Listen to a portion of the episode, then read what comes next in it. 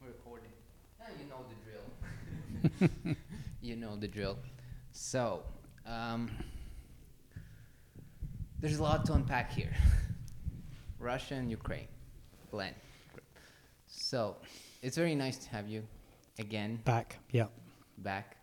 Um, and why why actually I wanted to do this? Uh, that it, it was the feeling that I felt quite powerless, but I understood uh, in the situation that's going on in Ukraine. But uh, um, I understood that I had access to a person like you, who, who knows quite a lot and quite credible information, and you have good intuition about it all. Having worked in Ukraine with the defense ministry and uh, having a military background and everything, uh, I felt like it's in a way it's my obligation that I have this platform to give my part in the information wars that are currently going on. Um, so yeah, it's really nice to have you here. And uh, could you just uh, quickly, for people who haven't heard you in the past, uh, um, explain uh, what have you done in, in, in Ukraine in the past, and why are you so uh, credible to talk about the, these uh, this subject? Okay, well, I've been doing uh, defence reform work since 1998. Uh, and the, the, my first years of doing defence reform work, I was actually a, a defence attaché for Great Britain. And, I, and, and therefore, as a defence attaché, I, I had access in uh, Estonia and Lat- Latvia to the ministries of defence. And in fact, I worked inside both of them while I was a defence attaché. So I actually saw how systems work. Uh, I was there at the developmental stages with with both countries as they were going into NATO, and they both gave me a medal for getting helping them get into NATO. Thank you very much. Um, and uh, so it's like an apprenticeship of defence reform. And prior to that, I got all my army experience, so I had lots of things that I knew about how how systems and things work. Um, uh, when I was working in Estonia and Latvia, then I started to realise that uh, lots of the things that I knew were not applicable, that they were slightly different. Why this is important is because it meant m- after this, my mind was beginning to open about what I was doing and what I knew, what I thought I knew, and that what I thought was perhaps you could say the gold standard uh, of, of military from Great Britain and US was maybe not quite so gold standard in other circumstances. Um, I should have been a bit more thoughtful about this um, and look back at maybe at things like Vietnam War a bit harder than I did. But anyway, so I left the army um, due due time in 2006. Worked in Estonia with the military for a while, with the defence for a while, and then and then I came back to Latvia, and I was working here doing transformation uh, with businesses, which is actually similar in many ways to doing defence reform. You know, you go to an organisation, you look at an organisation, you see how it functions, you you identify the where, where the profit is coming from, and you try and streamline the organisation to make more profit.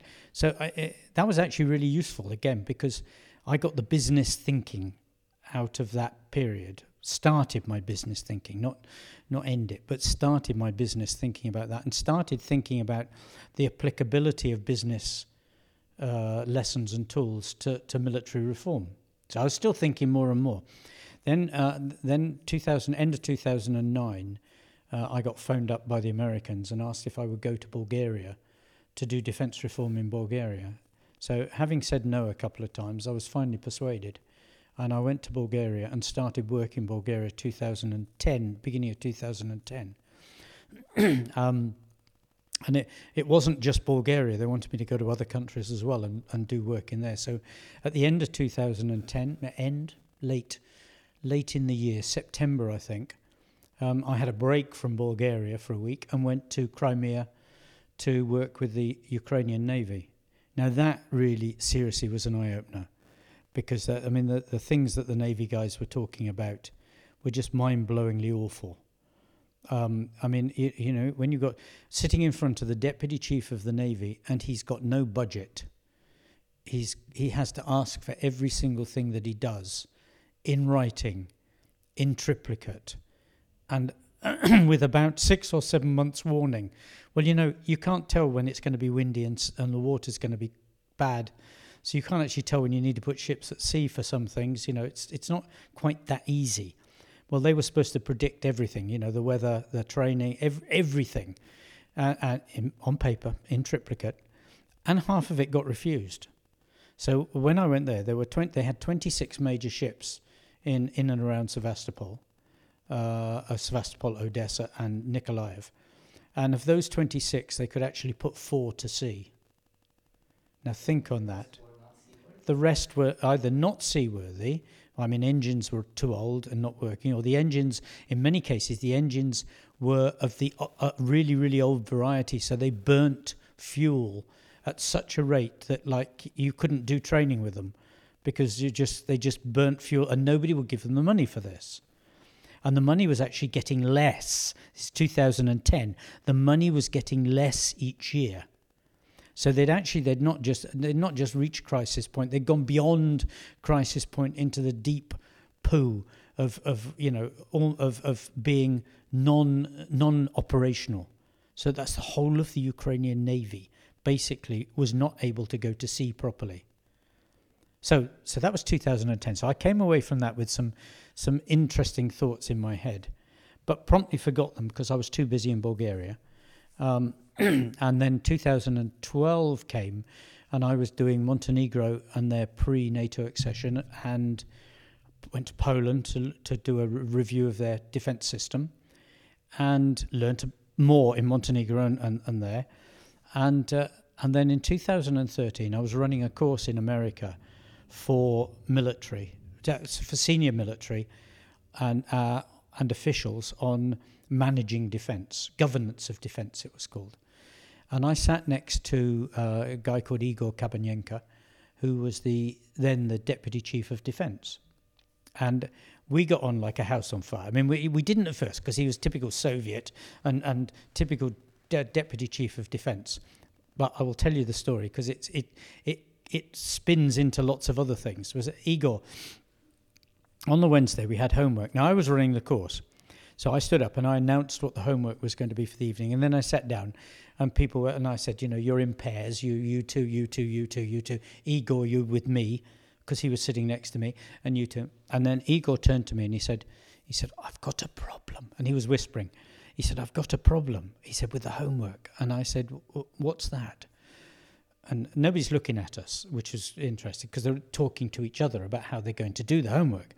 And he said, "Look," he said, "he said I've got to be honest." He said, "The only reason I've come on this course," he said, "is because I didn't have enough money to come to America."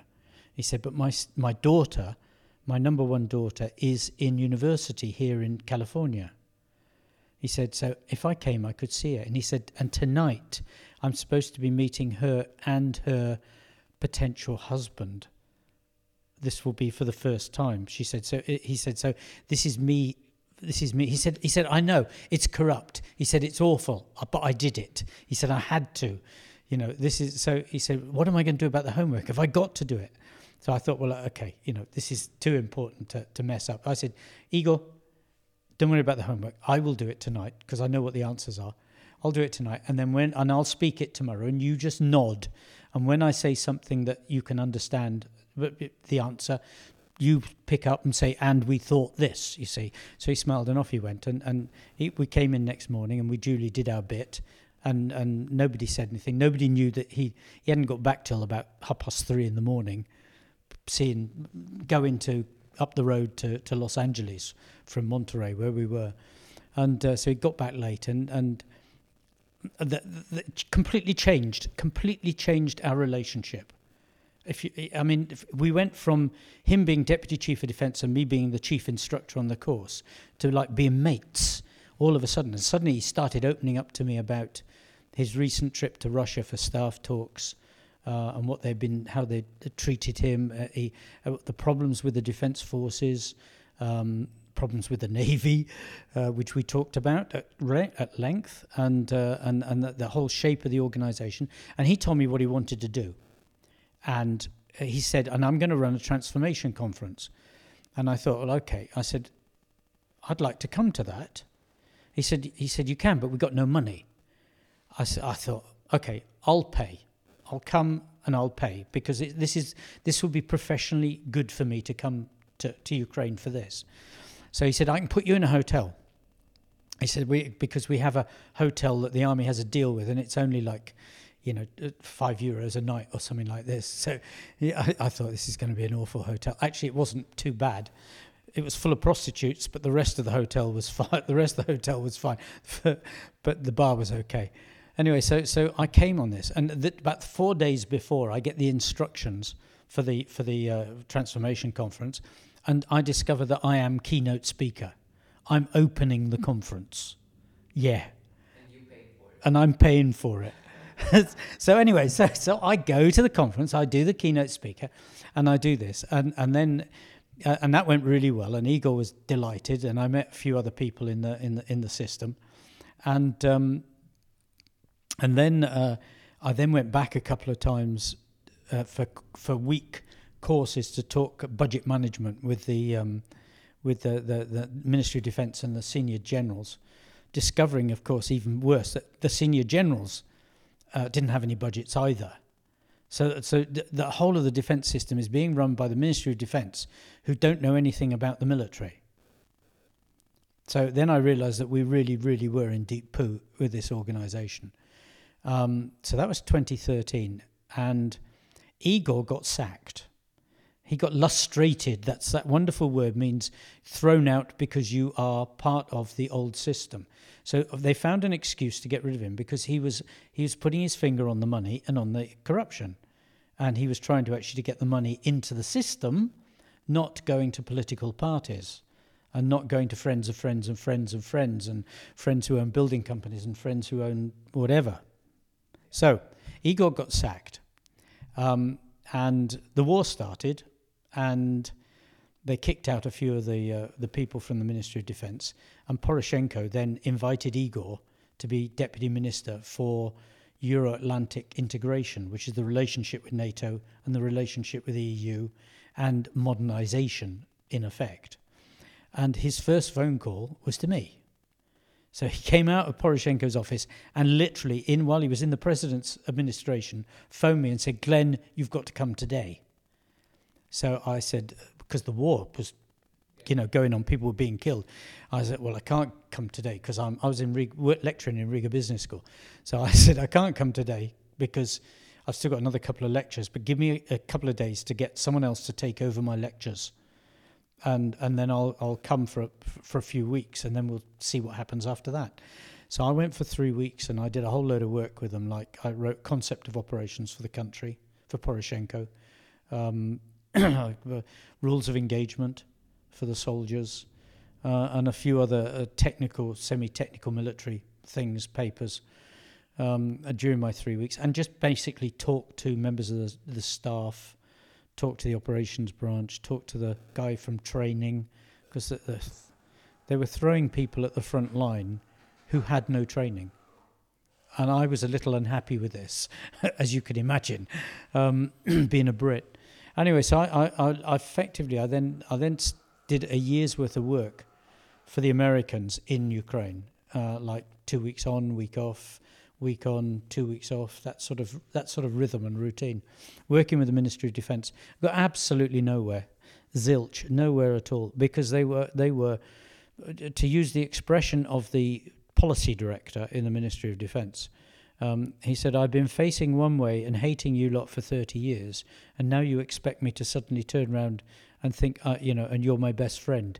He said, I wake up at nights having nightmares about this. So okay, yeah, I can understand that, you know. So, but but there were there were some wondrous wondrous uh, wondrous days and episodes like um, sitting in the uh, sitting in the uh, in his room uh, in the office there talking to the guys and about the paper we were writing on, on change for the defence forces. And and the, the policy director said, I've got I've got this real worry. He said, You wrote these things for you wrote these values and things. He said, I do, what we don't understand is what do you mean by honesty? So I explained honesty, uh, in the defense system and what that actually means and, and all its levels all its layers like you know admitting that your vehicles don't work and why admitting that your training is not right and why, admitting that something is you know wrong, and and then how that goes up to the general staff, and uh, and anyway, so we went away for two weeks, having me explain this wondrousness, and we came back about two weeks later, and uh, and I said, okay, I said, you got, uh, and I have to say, I had two colleagues there. And, and they, one of them was sitting on my left, on the other side of the policy director, and one was sitting opposite me, um, who had been there two weeks previously. And uh, and and he's sitting there and he said okay have we got anything now from what he said yeah he said we talked about this honesty thing that you spoke about. He said he said he said we think we understand it. We think we can explain it to people. So anyway now we then do the week's worth of work and i'm talking about the um, i'm talking about the principles of war and how they affect how they affect your organization and how they affect your organizational structure how they affect your training um, especially things like um, uh, things like how do you get versatility out of people? How do you, uh, in a, especially in a system that is very top down? How do you get how do you the principle of war of surprise, and what does actually that mean in terms of your education and your training for officers? Um, because it's actually quite significant uh, to, to get people to understand how do you get surprise militarily and what do you have to do to create surprise and what do you have to learn put, put into your brain to recognize surprise as, a, as an act. You see so we talked about this and um, we went away for, for, for, for a week and came back again. And and I, the colleague on my on my left wasn't there this time. It was just two of us. But the colleague my other colleague Mike was sitting opposite directly opposite me. And um, and I, I, said, okay, now look, you know, you've had a week to do the writing. Look at look at everything we did. What do you what do you um, what do you think? And it wasn't the policy director; it was a deputy policy director because the policy director had been under too much stress, so he'd taken himself off to hospital sick, so that he couldn't be sacked, because this is the way they you do things. You see, you can't be sacked if you're sick. So deputy policy director, he says, he said we looked at everything. He said, but we don't really understand this surprise bit and Mike is sitting opposite me, and I thought he was going to bite his lip because because it was just so much the same. And then we talked about it again, and uh, and I left it. And at the end of the week, I said, "Right, is there anything we want to talk about?" Yeah, he said. He said, We looked at this surprise thing. He said, We think we understand it, but we're not sure we can explain it to everybody else. And it was like, it's just like he'd listened to the previous speech and then repeated it exactly the same. So this is a this was a whole year of this sort of stuff going on. We just went we went round and round the values. We went round and round the, the what needs to change, how it needs to change. And remember they're not letting us go to units. And I'm saying all the time, I need to go and look at things. I need to actually to see things. Oh, it's secret. We need to we need to talk about this. We need to talk about. It. I can't tell you. It's secret. So you, the developmental work was just it was useless. And I kept saying it was useless, and I kept asking, the, the, the writing it down and asking the military, the, the, the American system to try and put pressure on them to actually to open up a bit more. But we, we, we, it didn't happen, except at the end of the year.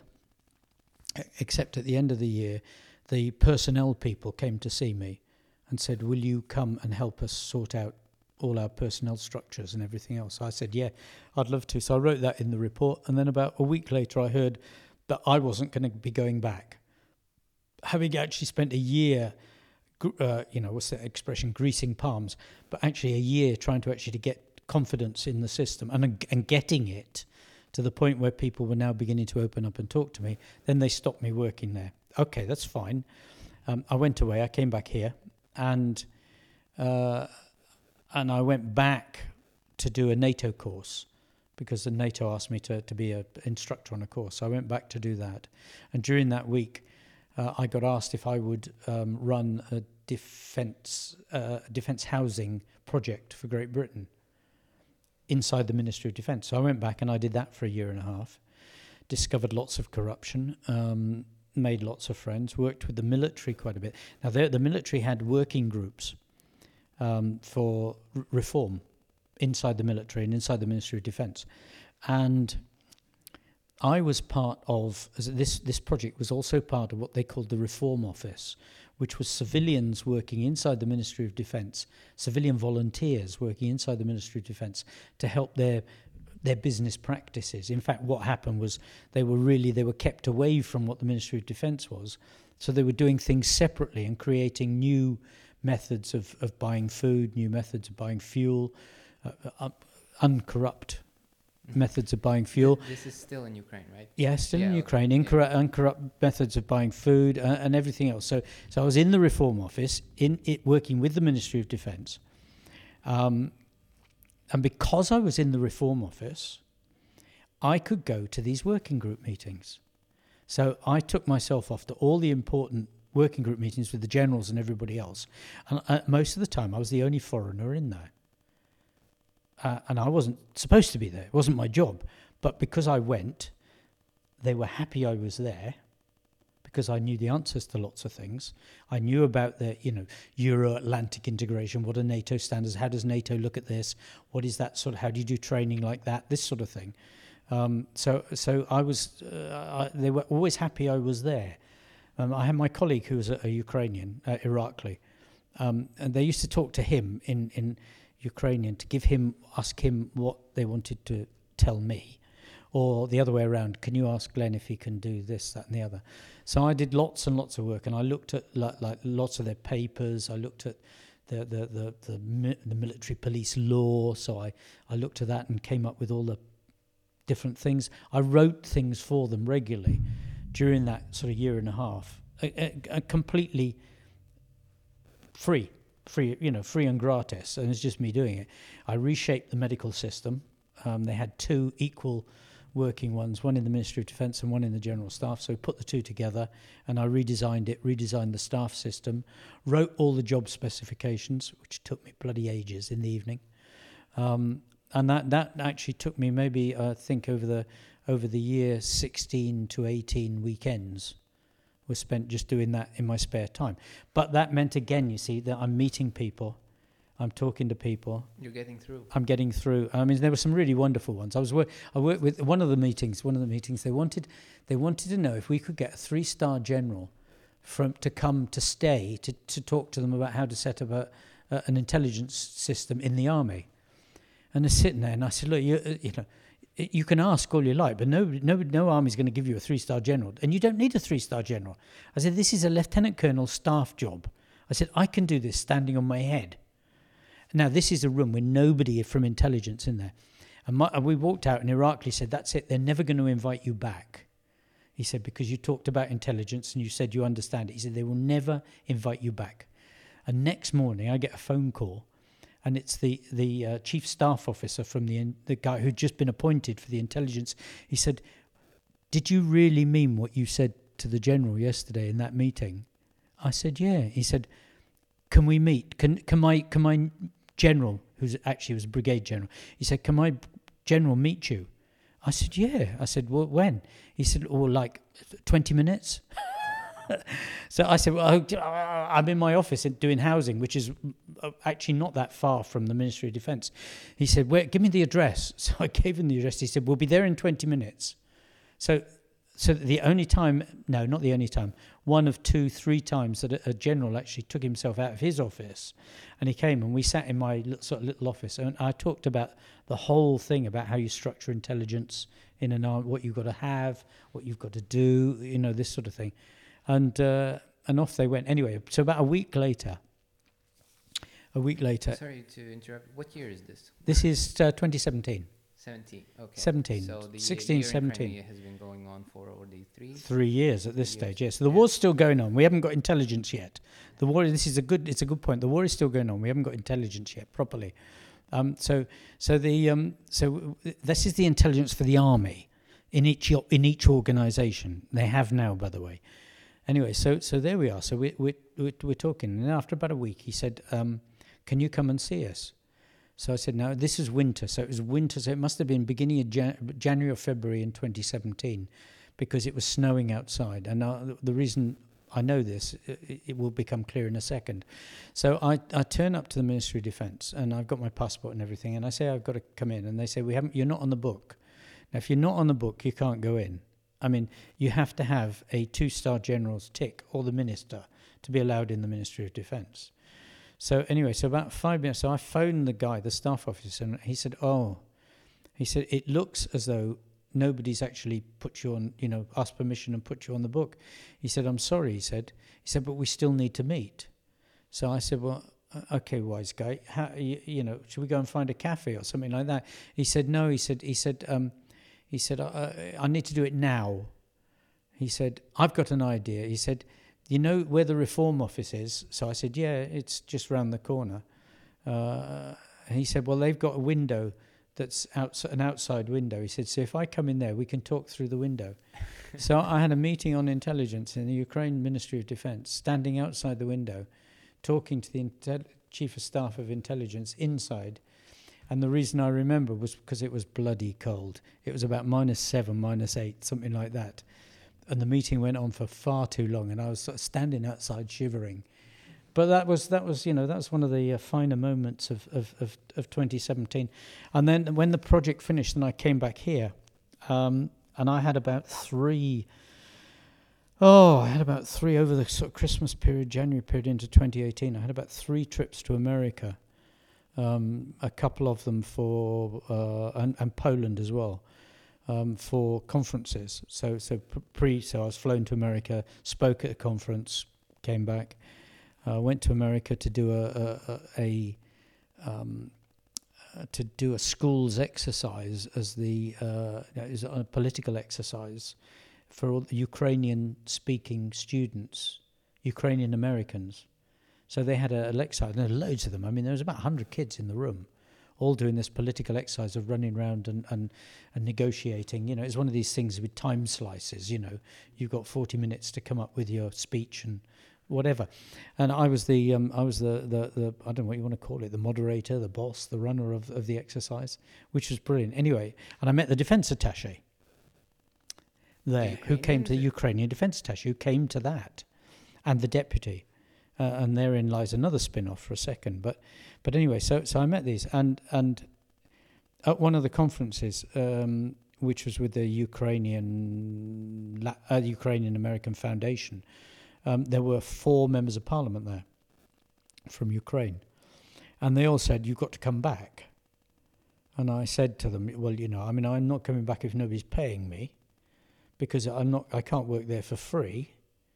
Well, not not too often anyway. I mean, I do now, but I mean not too often. And uh, and a few weeks later, I got a phone call from the Ukrainian Institute from the Future who said, "We've got money. Will you? Can you can you come?" And I said, "Yeah, all right." And they sort of said, "Well, can you come like this week and start this week?" so that's there's no messing with these things. So I did. So I went. I mean, I literally I was doing nothing here apart from uh, bit Riga Business School stuff. So I bailed out and, and I went to Ukraine and worked for this institute for eighteen for nearly two years actually, two years as a defence expert. Uh, and during that time, I did lots of uh, lots of stuff. And by now, now going back to this defence reform, I now realise that you can't lecture to people to, for defence reform. You've actually got to work in their office alongside them. So I changed my whole way of working into identifying people who could be the enablers and then working to them, helping them. So finding people who wanted help uh, and then helping them to help other people. And that's how I actually work now. So to find people, I didn't actually try to find people because during my time when I was working in the um, uh, when I was working in the in the defence ref- uh, in the uh, housing project, um, then people started coming to me, like the intelligence guy, like the, and and so that that uh, and then I found a few more, and then a few more, and that gave me these introductions to people, and that, and it's uh, and after that, effectively, I suppose nine, you looked up to 2000, 2000, 2001, 2021 I got a steady, steady flow of people coming to me on a on a, a, a weekly basis, asking for help with something, either to write something or how do I do this or how do I find that out, how do who knows about this, this sort of thing. So, so I've just been doing that basically in the background, and it, this is this is a big thing is about trust. and uh, uh, and it's interesting that that there's a, there's these all these multi layers inside the uh, inside the Ukrainian system. Uh, it's like anywhere, it's multi layered, and and you know you've got people that are professional and who want to do things, and then you've got these other people who are not professional and who are in it for either in it for the money or in it for the uh, for the ego. There's a lot of ego, ego seekers in in in the system, um, um, and usually it's interesting. People ego seekers don't usually like me because I'm going. I'm doing my work by. It's, it's straightforward. Yeah. You know, and uh, so so I don't. I've got plenty of people who don't like what I do in in Ukraine, and and but they are vastly vastly outnumbered by the people that do. I mean, at the moment, I'm getting ah about twenty friend requests a day on my Facebook. It's insane. I know it's insane, and I keep saying I, I haven't got any room. You got to go onto my Glen Grant page and like it. You know, where there's five, six thousand liking it. You know, but they miss the bit on the on the other one, so they don't they don't see that. So they still friend me. So then I have to go through and do some work. them. Well, I don't know. I don't reject them. I usually write to everybody. So I, I make what I do is when I've got a lot, then I make one common thing, and I just go on and and and, and cut and paste the same thing onto to all of them, and then just sit back and wait. And usually they then go and friend me, um, and uh, and- and and say what it is why they want to come on. And some of those, some of them I need to have on my friends because they're they've got they've got specific things that they're doing, like it, like NGOs to do with human rights in the army or legal support for, for soldiers, and I want them on my actual friends page.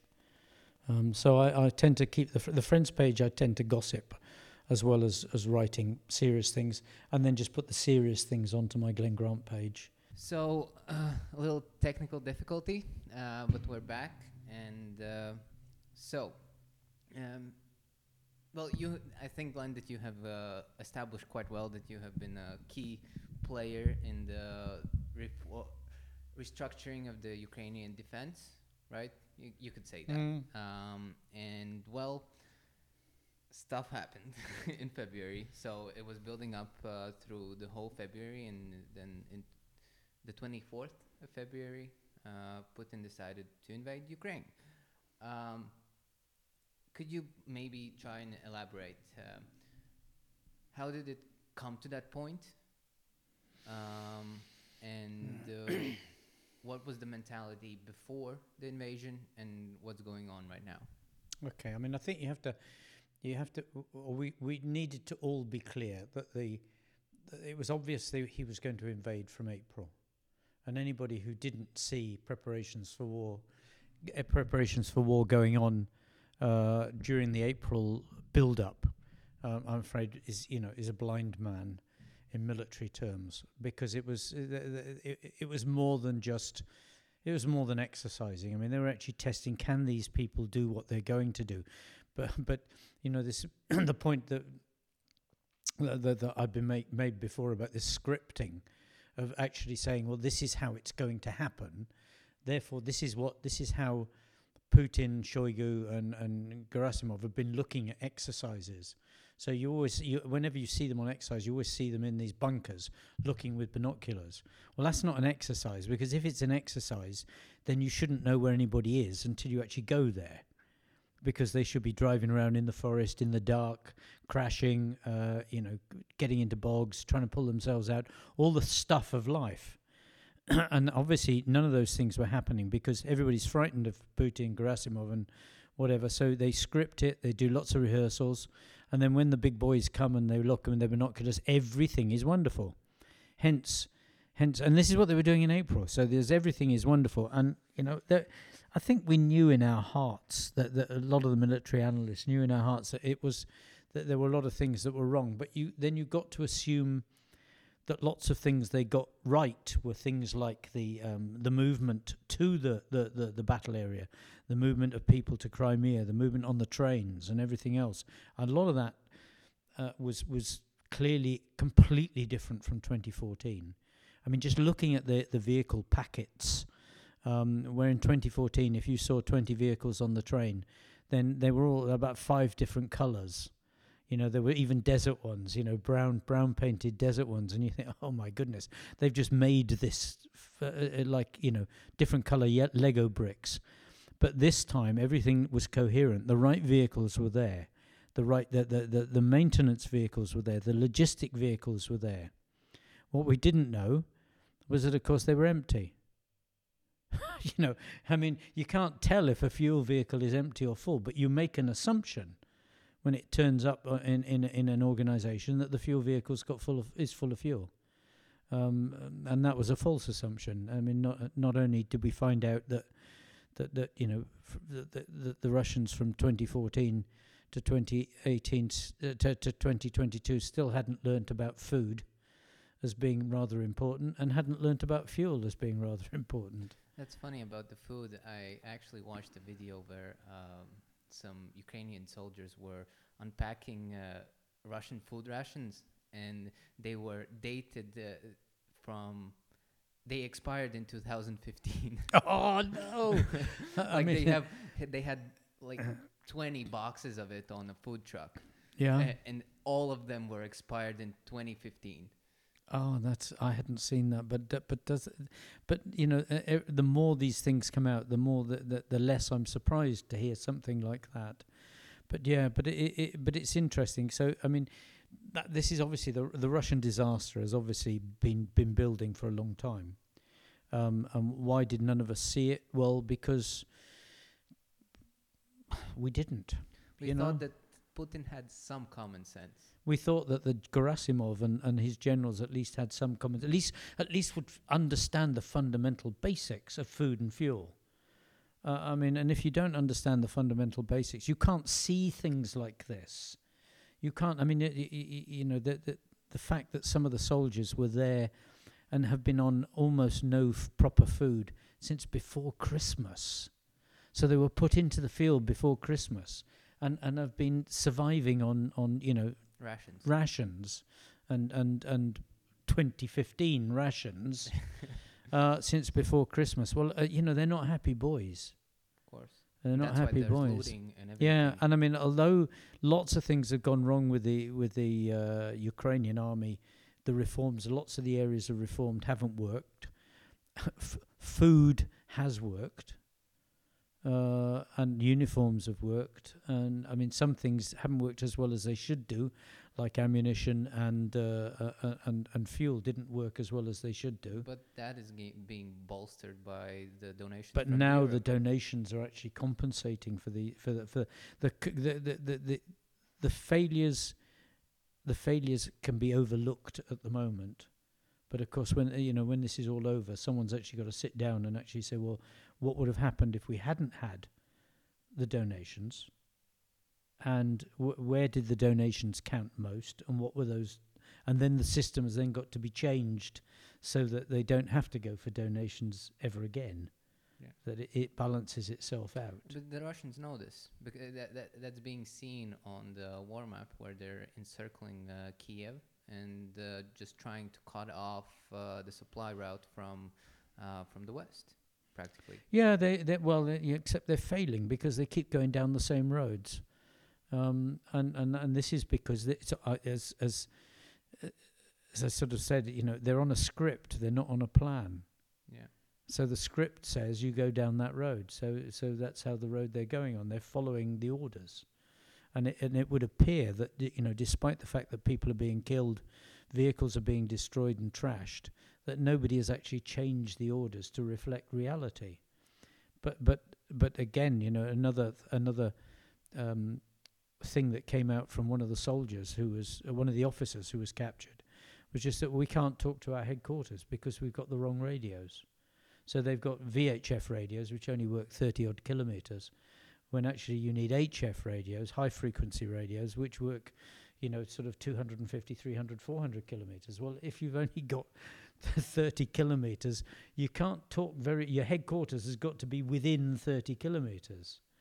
Uh, clearly clearly I mean these are such fundamental basics that if they don't know things like that or they don't take things like that into account, then you know, I mean, that that is uh, criminal in military terms.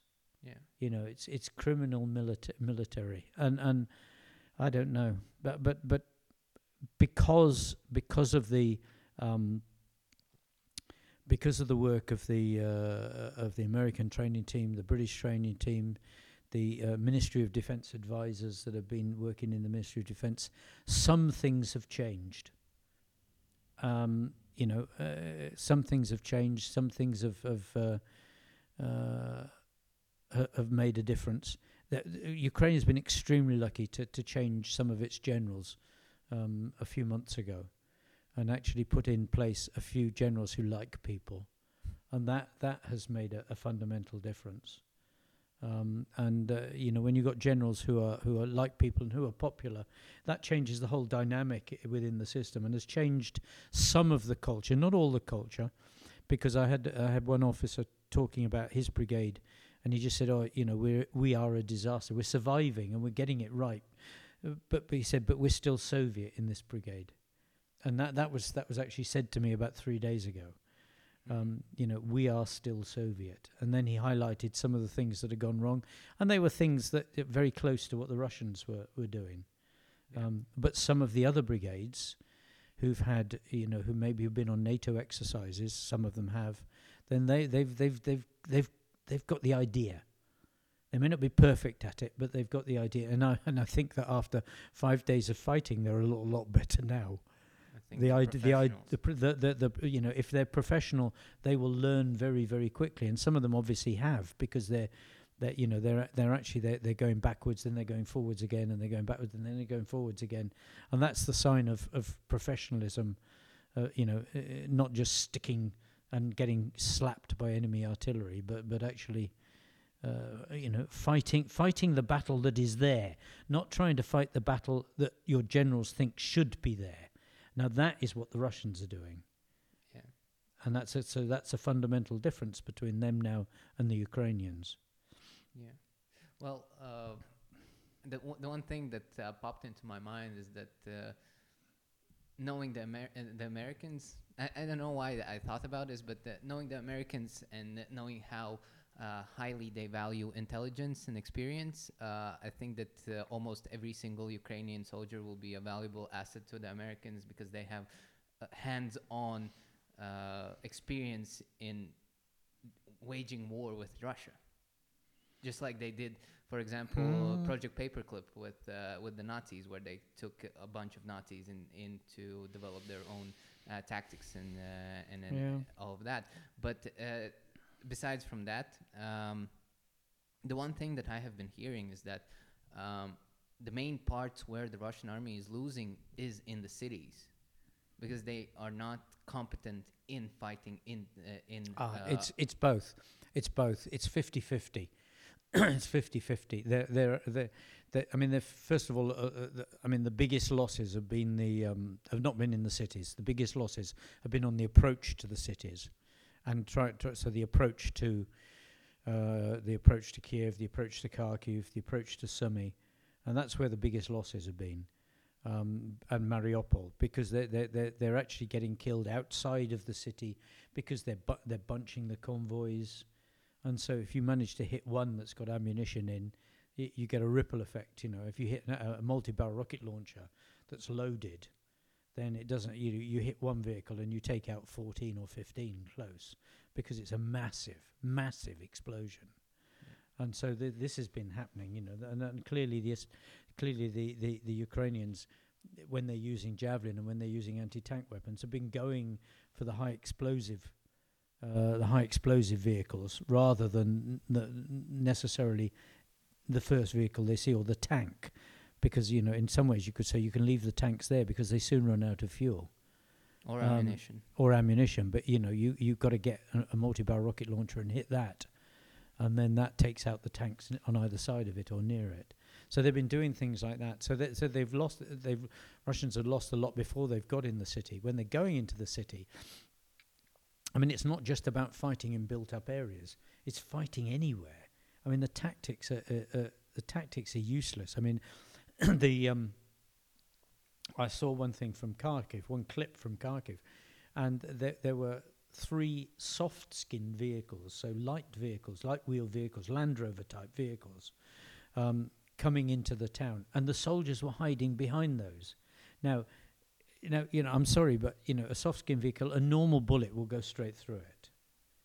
Uh, and what happened? One of them was hit with an anti-tank weapon, and so all the soldiers around it were pff, killed because they were all too close to it. They hadn't, they weren't spread out. They weren't, they weren't using cover, which is, you know, I mean, if you look at, I mean, I jump back to British Britain, but if you look at Three Parachute Regiment, you know, if you can see one or two soldiers as they come towards you, you're doing quite well, because they will go through round the fences. They'll go, they, you know, they'll move. They'll move. One one will be moving, while five or six are pointing in the direction of the enemy. So if the enemy actually opens fire, five or six people immediately are doing this, but all of them were walking at the same time. Well, that means you can't see, you can't judge anything. You can't see the ground if you're all doing that. Who is looking at the ground? Who's looking? Who's you know? Where's the leader pointing out? Okay, you know, A section cover the right building. B section cover the left building. C section you cover the building in front. D section start moving forward between and head for the. So you know, I mean, basic infantry movement, fire and movement skills and things completely absent, which means they haven't been trained.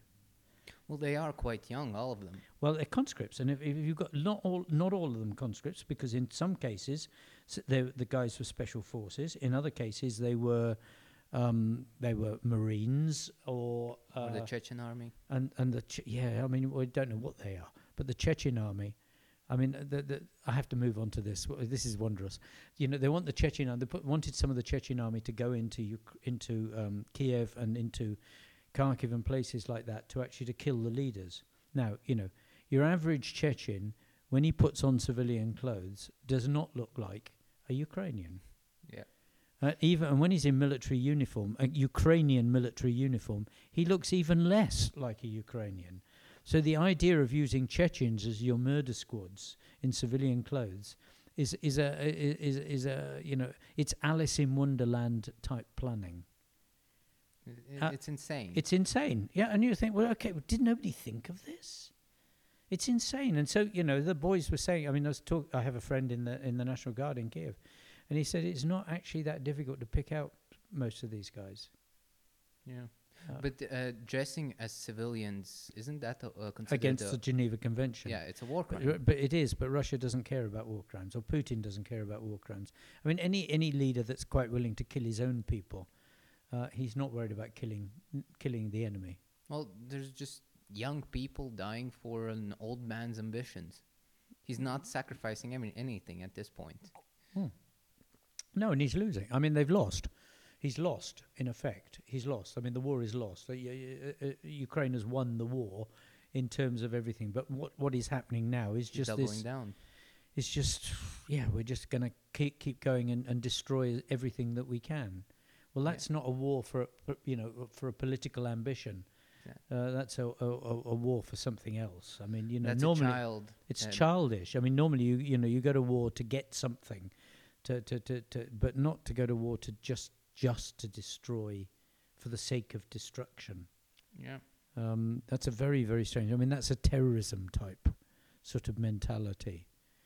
but um, well, a lot of new uh, news outlets, uh, Western news outlets, have been talking about the fact that uh, uh, Putin in these COVID times has been having a very distant and isolated position in regards to uh, visitors and even his own uh, politicians and ministers and uh, generals and everything. He's sitting on ta- uh, uh, on the table. The long table. Yeah, a very very long table and speaking to the general who is the ten meters away, um, and also the I mean, even Lavrov, even Lavrov, the last meeting. I mean, Lavrov's his, you know, his senior, his senior diplomat, and Lavrov was sitting at the other end of the table, but slightly down one side, but still close to the other end of the table. I mean, that's bizarre. I mean, I'm, I'm a, I make the assumption, I think most people are, that, that he uh, he does not want to catch COVID, uh, and but from what I've heard, sort of from people who've known him quite a well, known the Russian group for quite a long time, that he's supposed to be ill and are supposed to have been ill for a long time. Um, and uh, and the comment that I got from one one person, which which rather struck home with me, was was that when you saw all this stuff about him riding r- riding bareback and, and and diving with seals or whatever he's diving with and, Yeah. and catching catching fish and things doing like this. uh, That this was actually done uh, immediately on him being realizing he was ill to try and show that he's not ill because if he's ill then then then you know this is a dog eat dog society and with power you know like lions you know when the lion looks old and weak the new lion comes and kills him. Uh, and and you know that he's been trying to do that. And so this this war now is him showing he's still the strong lion. But he's not, but he's not. And And everybody's not. seeing that. and now everybody sees it and everybody sees that he's weak. So how much longer can he hold on for? Well one hopes that the strong lion won't you know do the stupid thing and try and do a, a nuclear attack on someone or something like that but but uh, uh, my suspicion is that we still have i'm not going to say tricks we still have a few more nasty things to come yet Uh, I also this is this is actually confirmed, and I just saw this news that uh, there's an actual bounty on Putin's head for one million euros. from Uh, not stated, but uh, apparently confirmed within Russia. Oh, within russia Within Russia. yeah that's uh, it's, it's i don't think that's enough money to make it happen Of course, that's not enough money, but the, because you can't get out you can't escape and hide with that much money exactly. But Um, uh, at this point, what's the end? Uh, what the, what's the end here? well i mean i, I i'm go- i'm i'm I'm- i'm talking to some um i'm talking to some senior brits tomorrow uh what day is it tomorrow thursday or friday and and the the the, the policy change that I want is that rather than um, rather than sanctioning uh, Abramovich, that we should actually ask Abramovich to go and tell him it's finished. Uh, and that and, and then we tell Abramovich we're not going to sanction you if you do this, but we will sanction you if you don't. And maybe there are you know there are half a dozen senior Russians in London, and I think we should that Boris should get them all into to number ten, and he said, "This is the game, boys. You've got to remove him. You have lost. You've lost. You've got to remove him. Now, if you don't want to lose your personal fortunes and everything else, please go and do this. Yeah. You know, front up to him and tell him it's all finished. Yeah, but one of the, I think the most lasting problem for the Russian society as a whole would, will be uh, the overarching hate for Russia after Putin's uh, uh, after the things that Putin has done. Because From outside. yeah, from, from outside. outside. Yeah, it's it's interesting. I'm not so I'm not so sure that that is. I mean, it, it, it, th- th- there's going to be a lot of hate within within Ukraine, but also, I- mean, Ukrainians are very. m- The majority of Ukrainians are very Christian folk, and and and Christian folk they're quite forgiving. I mean, they're they're not treating the soldiers badly in any way. Yeah, they're feeding them. They're, they're feeding them, They're looking after them, you know, and they're they're trying to make sure that they get back to s- to their mothers yeah, and things like this. I mean that that is that is not a that is not a they're offering the fifty thousand euro uh, bail for, if for any uh, Russian soldier to switch sides. Yeah, yeah. I mean they're they're, they're trying they're trying in many ways they're trying very hard on that. So I don't think there's a lot of hate in that. And I mean the the the I mean one would hope that if we got a new government in Russia that they would stop things like the the the, the, the government system of, of drugs in sport and things like that. Because because uh, y- you know those things are those things are almost more um, uh, almost more pernicious than the, than the war has been. Yeah. You know, because they they they are so wide across societies, and and that annoys so many people. I mean, when you when you can annoy everybody in a whole sport that is a worldwide sport like athletics, and where people are getting just you know increasingly pissed off with the with the way that the Russians do you know keep drugging and drugging and drugging, then then y y then there has to be change in things like that. Russia has got to change to see the world as being I- I- through a different set of eyes. I mean, you know, this idea that you know NATO's trying to kill it, when NATO makes up what it, you know what is it 0.16 of the border. Uh, you know, I mean, just a tiny spell of the border is NATO, and the, then this huge, huge area of, of Russian border that, that is not NATO. Um, and you know, to think that you know, as, as people talk about that, that you know, Estonia might attack NATO and, and Latvia might go and attack NATO, uh, not attack NATO, attack Russia, and or Latvia might attack Russia. I mean, th- these are nonsenses that have grown up over time Yeah. uh, and have been allowed to grow up, and nobody's questioned them. No, nobody in, in Russia seems says, "Hang on, hang on, excuse me a second. Let's think about this. What's the GDP of Estonia? What's the GDP of Latvia? How big is the defence force? Are we really thinking that you know they're going to drive on?" Drive on St. Petersburg, and you know, I mean, if you go back 15... They're 15, gonna fly fif- with their three Correct. I mean, you go back 15, 15 years, and all, all the NATO countries were cutting their defence budgets. I mean, what did we go in Latvia? We went down to 0.9 or 0.85 of a percent of GDP, not 2%, and uh, not 2.3 or 2.5 or anything, you know, y- which could be classed as aggressive. But we went down to almost nothing. You know, enough to s- keep the system surviving, basically. And not to buy any equipment, not to buy anything else. So guarding the president was about all we could do about 15 years ago. Yeah. Uh, and we didn't do that very well because the house burnt down, didn't it? Oh yeah. So so we failed on that as well. So but but so you know these all these things from Russia. Russia's got to if a- a future Russia has got to change its attitude. I mean, what would be worse is if we got someone else who then decided he was going to restructure the the Russian army and come back again and do it again. I mean, and if you think about the the wars against Israel, I mean that's effectively what hap- what's happened there. You know, I mean, with Egypt and and and, and things. You know, back go back, Egypt sorting itself military out, and then have another go. I mean, we don't want that again. We don't want Russia coming back at, at, at Ukraine in 10 years' time or 8 years' time, That would be catastrophic. which will be catastrophic, yeah. Yeah. And and uh, so, you know, there are worries on, on things like that, how it will go. You started to talk about uh, defense budgets and the shocking uh, news that came out of Germany that they're ju- having a complete C turn on their def- uh, uh, on their military budget of uh, now spending two percent of the GDP More. plus More. more plus. than uh, more than two percent of their Yeah. GDP plus uh, uh, 100 billion in development, they Yeah. uh, something like Yeah. that. Yep. Yep. I mean, it is a shock. I mean, they've been going on for so long. I think that they, they, it, n- it never occurred to them that not supporting, uh, not supporting Ukraine would create such a stir on on social media. Uh, and I have to say, I helped because I wrote some extremely sharp things about them, and and and and and I have to say, deservedly so. They did deserve it.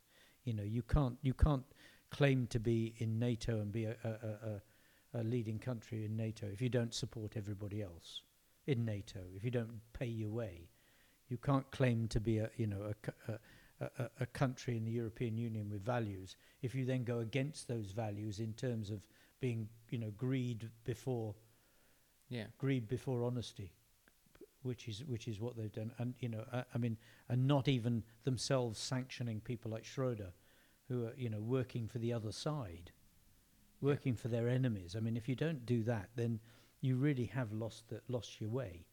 And I think that they lost. I, I mean, I can imagine there were some extremely sharp uh, cabinet meetings for for one or two days last week, where they suddenly said, "Well, you know, everybody hates us."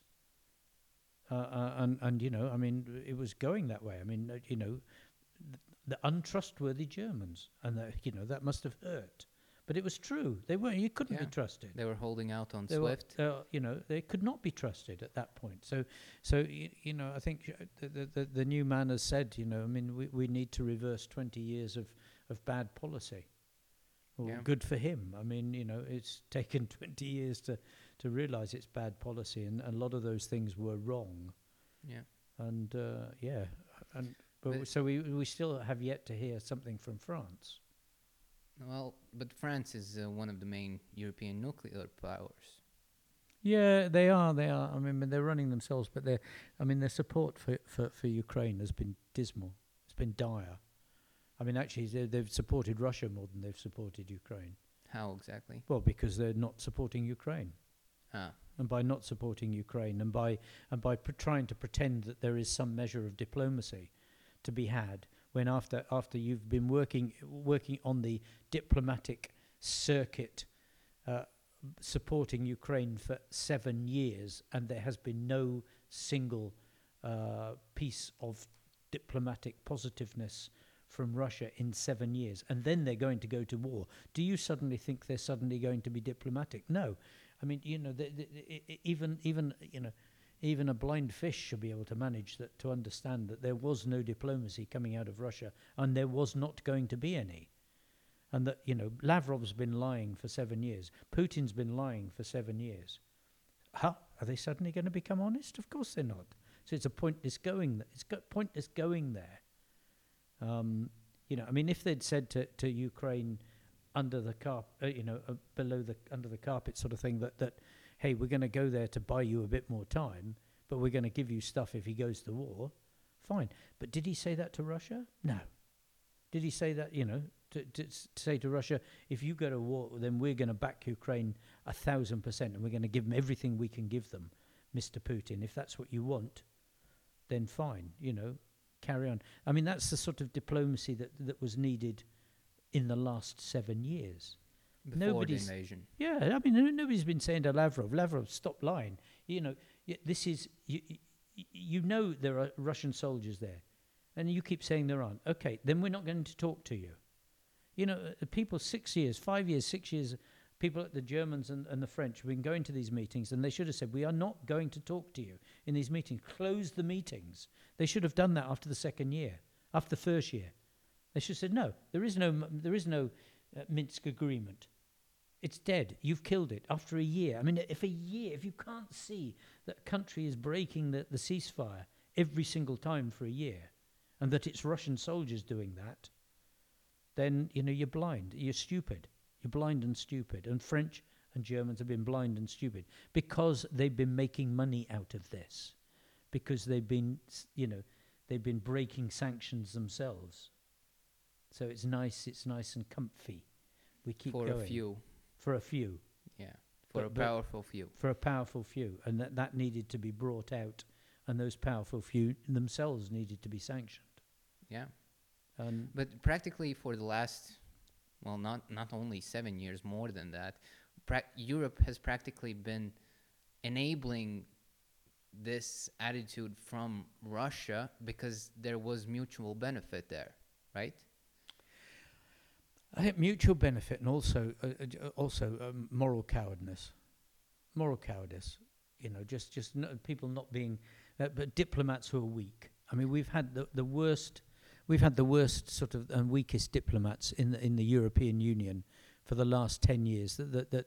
That, that, that have been probably been seen on God's earth for the last hundred, you know. I mean, they really, really were just, you know, freeloaders, freeloaders in the Parliament, too many of them, and and and and weak and not willing to actually to, to, to, to not willing to actually to address real things.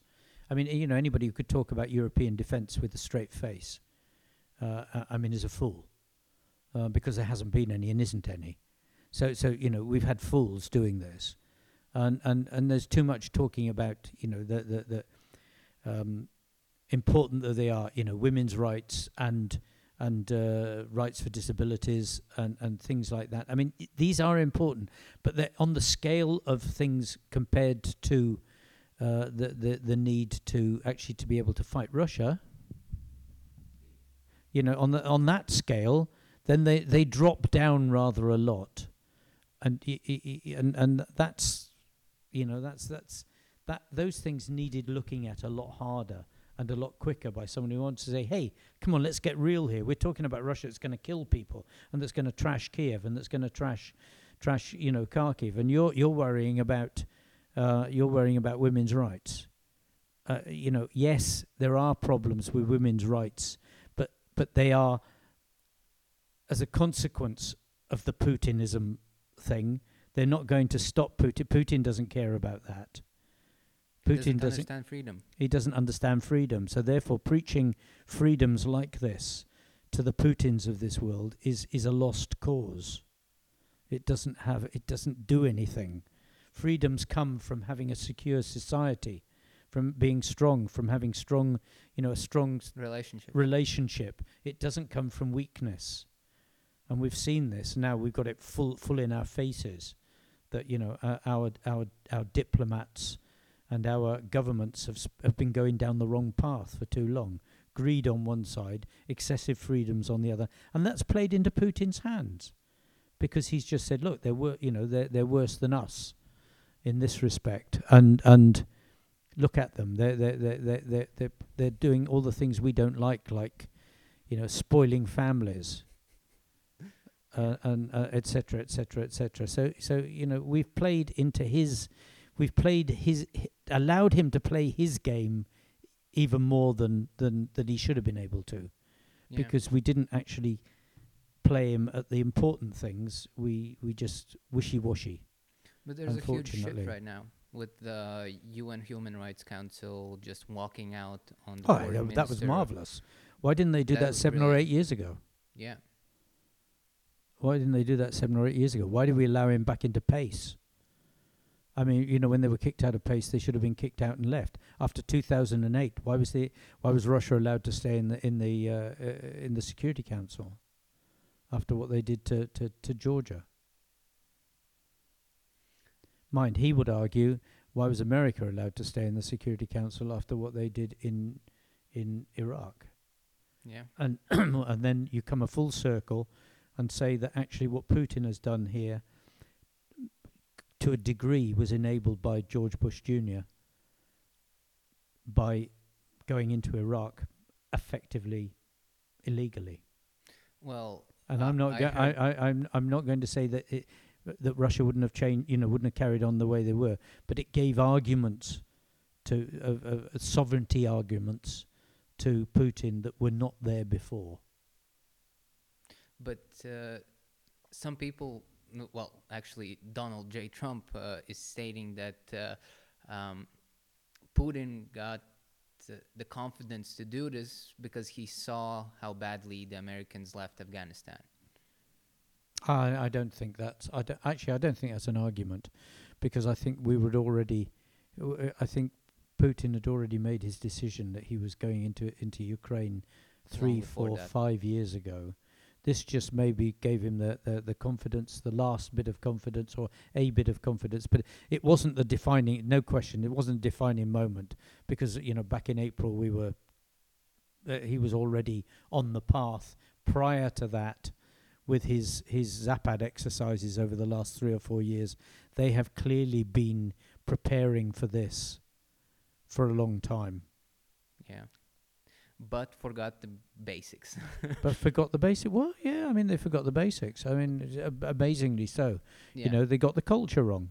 They forgot you've got to check you what a culture. You know that an army cannot exist and work properly without a culture of honesty. Not only that, this war from the Russian side, it's empty. There's no real solid reason for them to be there. There's No, that's right. If you don't have a clear, a clear, po- a clear politically honest reason for doing something, then soldiers don't. Soldiers will never fight properly. You'll always have the maniacs. You'll always have those who glorify their profession and want to be hit superheroes. And and of course there are those now in the Russian army and and people. But but generally, your average Tom in an armed forces needs to have a very clear job. You know, either it's looking after saving people's lives, like like Bosnia was, like Sierra Leone was. You know, when the boys will risk their life to ensure that other people have freedom and, and have a proper life afterwards.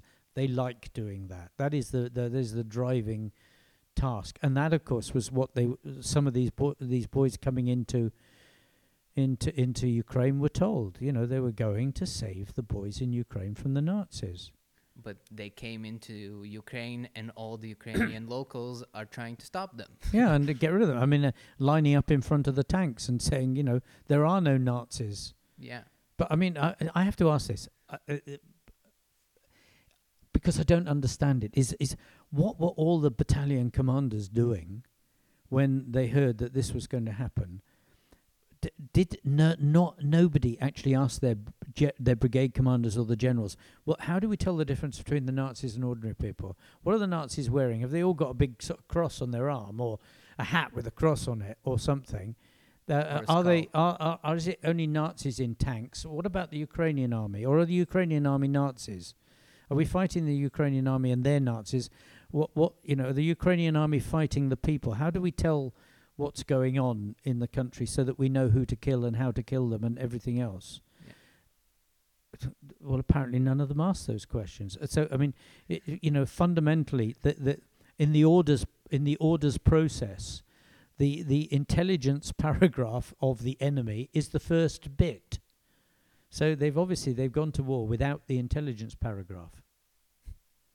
Uh, yeah, I mean they must have done because they clearly didn't know what they were going into. Nobody's told them that. Well, that's well, they've told them a lie.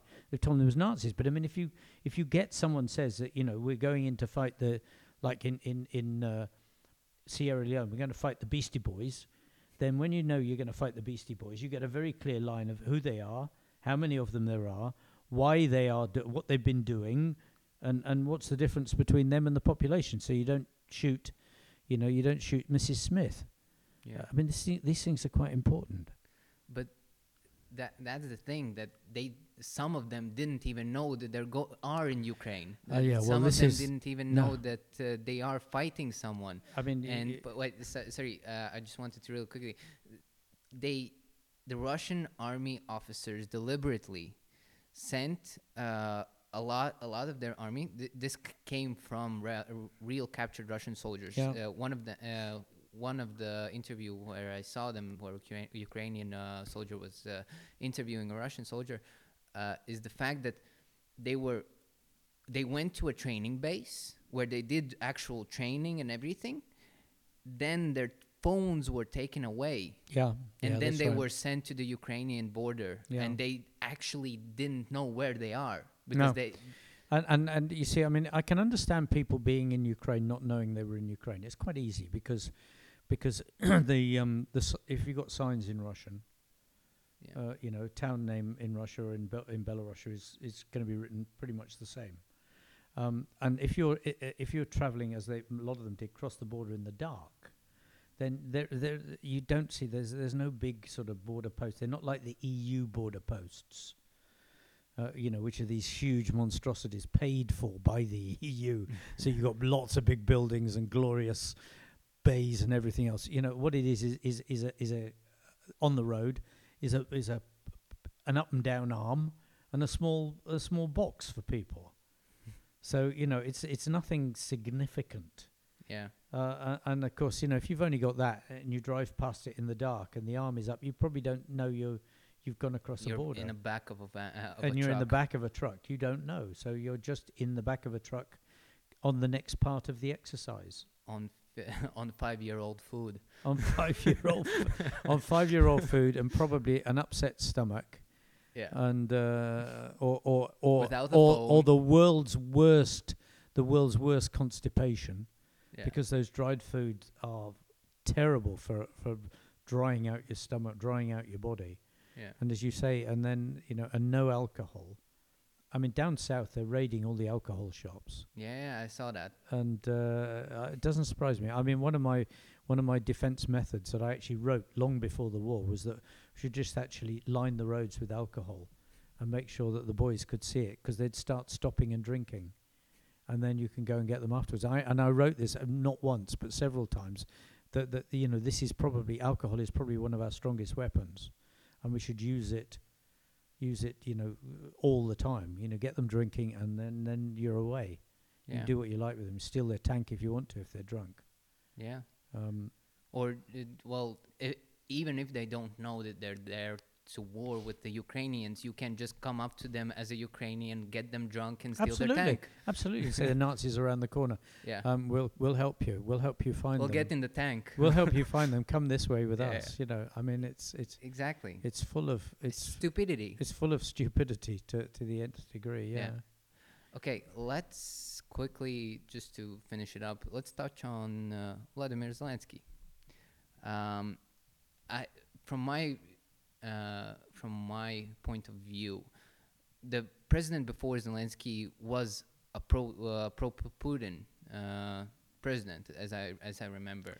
It's very di- it's very difficult to know, but the more that comes out about him says that he was actually, um, uh, if not in cahoots with Putin, at least happy to keep things Friendly. friendly uh, more than perhaps he should have done. Um, I mean, I know from from a member of his office that he actually used to go into his office and talk to Putin on the phone quite regularly, which is not something that presidents are supposed to do on their own. You are supposed to log uh, everything, and it's supposed to be written down and go into the archives. Yeah. So private conversations are not good things with other presidents, um, which of course is what uh, I don't remember which is what name. Trump did. Oh yeah. Which is what Trump did. Yes, but, but Poroshenko was the last president, Peter Mm. Poroshenko, um, whom I wrote to today. Funny enough, Hmm. um, but but th- then, you know, there were lots of things. Po- Poroshenko was making money out of the system, Of uh, uh, and and and and that that uh, I think is the big thing that actually cost him the the, the presidency. But it was a landslide. It's what like something. Yeah, there like was because pe- and that was a landslide. Uh, it was a landslide against against Poroshenko, not necessarily for uh, for Zelensky. I mean, Zelensky was voted in because people wanted something fresh. They wanted something different. They were willing to overlook the comedian bit. What they wanted was was someone uh, uh, young, fresh, and honest who got a business, some business experience, uh, and who would actually come in and, and work for society. and, and worked for a, a pro-European. and with a pro-European, pro-NATO approach. And of course, when he came in, then we discovered, and he actually got the job there, despite what he said uh, in his election campaign, that he was less pro-European and less NATO, pro-NATO than everybody thought. That was one thing. That that he wanted peace with Russia, you one almost could say at any cost, uh, and that he came in saying he would get peace, and then it, it then discovered that, or nothing that he was doing was going to get peace, um, because R- Putin had already decided there wasn't going to be any peace, uh, and that you know, and I think Putin probably realised very early on that that you know, that that at the time Zelensky was weak. Um, what what made the change? I am, uh, to be honest, I'm not sure. I still have my, I still wonder about this. Why suddenly, you know, the, when the war started, he was, he was still, even maybe on the first or second day, uh, still not actually focused on on the fighting, because we didn't have we didn't have uh, mobilization until the war started. So that means the reserves didn't come in to war. There's all these guys who were waiting to actually to join, to, you know, to join their vehicles, to join their teams, to start preparing. They have gone to war. Those reserves with no preparation, and that's a huge, that's a major fundamental weakness. When when you understand that you know you're about to be invaded. Well, did he believe that there wasn't going to be an invasion? Well, um, you heard my uh, you heard my my friend say that uh, that, he, he thinks that you know the, the the Ukrainian intelligence was listening to the Russian intelligence, and the soldiers, who were the people who could possibly tell them, didn't know they were going to war. Therefore, the people that the Ukrainians were listening to and talking to, if they didn't think they were going to war, that's possibly why the Ukrainians didn't think. But anyway, clearly they all got it wrong. The president got it wrong. Defense minister got it wrong. Head of the uh, head of Zelensky's party got it wrong. The uh, head of the president's office got it wrong. Quite a few members of parliament got it wrong. Um, the previous defense minister got it very wrong. You know, and th- all these people writing, we don't think that. We think this is a bluff. We think this is whatever, and they were all wrong.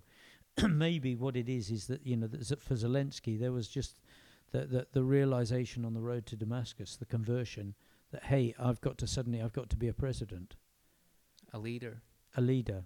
Now you know, and, and then suddenly it comes out, which is uh, which was happen. remarkable and can happen, can happen, did happen in this case, uh, and was you know was a remarkable about face.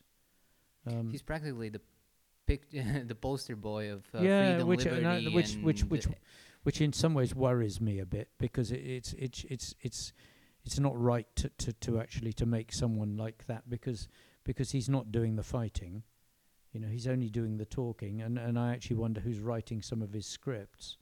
He said that he doesn't do that. That he, he, he says that he is not speaking from a script. no, but, but, but no, except that sometimes he's reading it, so you know that he is. Well, yeah. Um, but but but you know, But w- whether it's European script or whether it's script or whether he's briefed, whatever. At the moment, he's doing a remarkable job in terms of pulling pulling the Western world along behind Ukraine. He's no question everything that Putin that. isn't. And That's he is everything that Putin isn't. Yes, you're absolutely right. And he's everything that Poroshe- Poroshenko wasn't.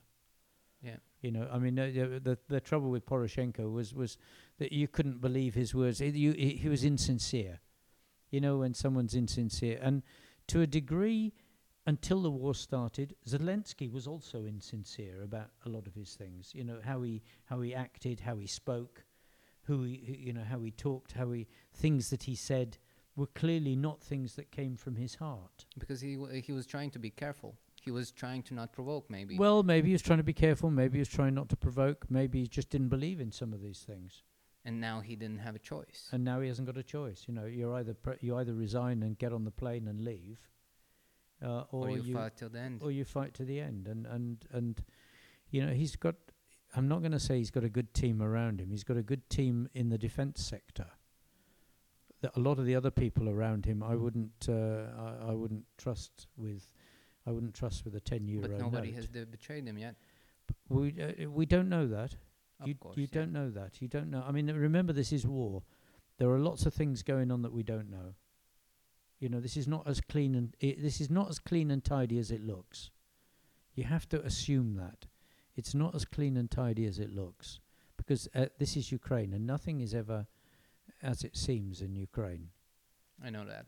Yeah. So, so I think that you know, we we we have to take things for the moment at, at their face value, everything at its face value, but but just to keep uh, uh keep the one eye open at night, just just in case But- for the moment. Yeah, but but it's a remarkable thing where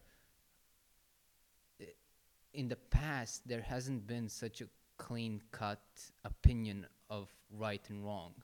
No, but that's what war does. That's what war does because before there were options, there were possibilities. Now there's no options. There's no possibility. It's it's it's it's very simple. It's black and white now. It's it's it's die or succeed. That's it. You know that there's no choice between. But uh, there's no other choice. You can't go somewhere else.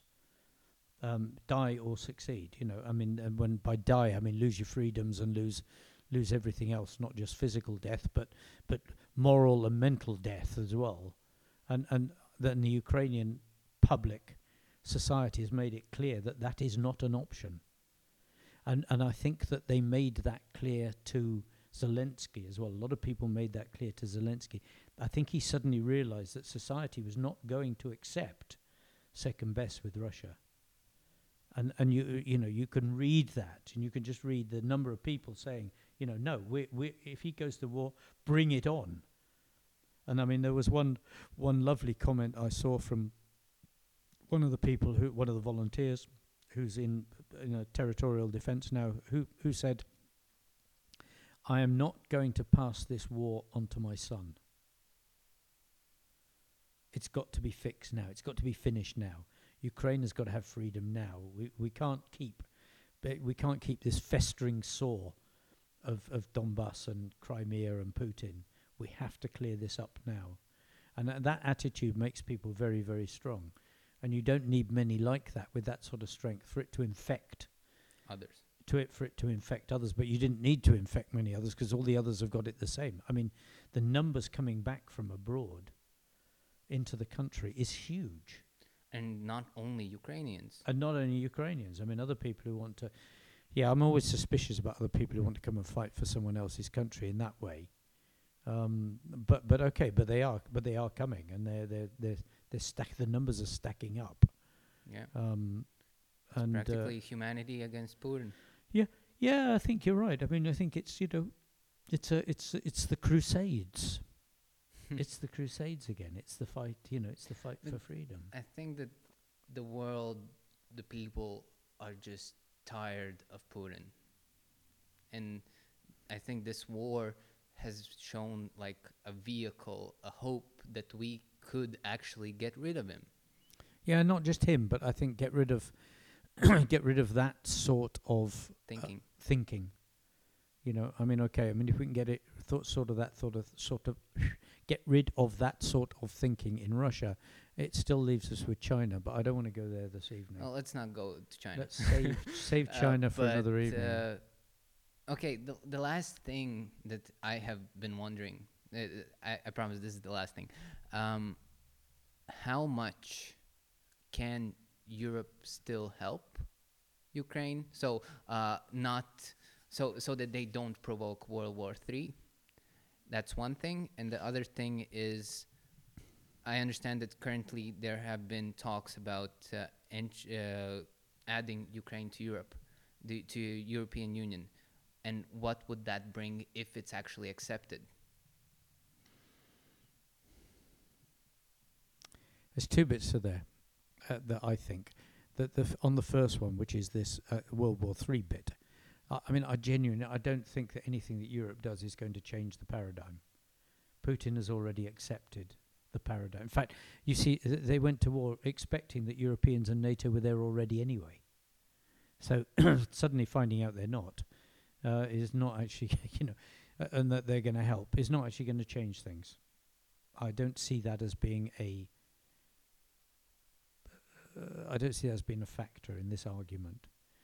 Um, the, joining the European Union bit, I think that I'm going to say that I think that Europe owes it to Ukraine because Ukraine is doing the dying.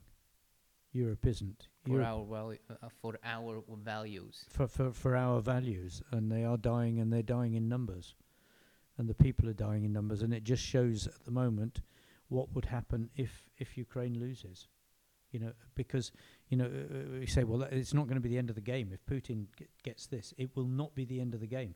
It wasn't the end of the game in Georgia, Syria. Uh, Moldova, it's not going to be the end of the game in, in, in Ukraine. If he gets Ukraine, that the sheer volume of resources that he gets to, to his benefit means that he will be a much stronger country uh, after taking Ukraine, and he knows that. Plus a huge access to the Black Sea. Plus the access to the Black Sea and and uh, and all the other accesses that he gets that he hasn't got at the moment, and still having Lukashenko at power.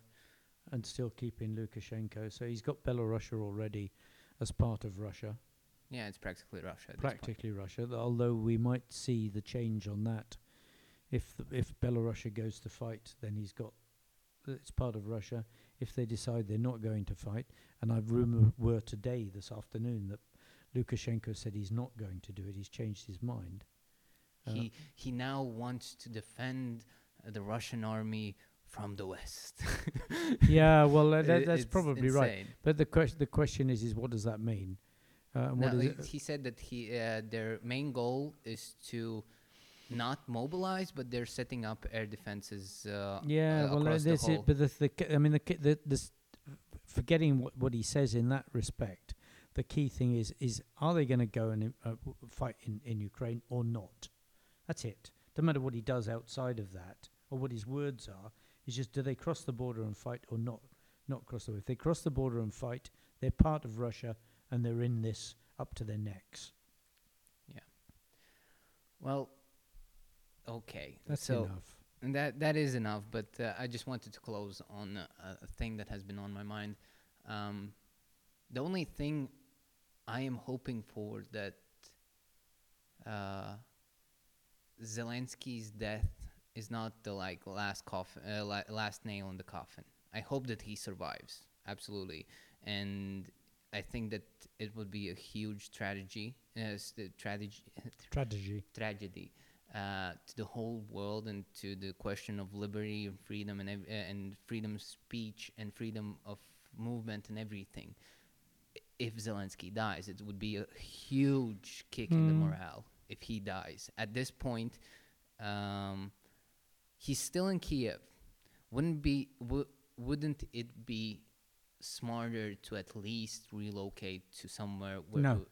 He's got to stay in Kiev for exactly the same reason that, that King George stayed in London during the Blitz uh, with his wife. You ha- the leader has to be there. If the leader is not there, he's not the leader.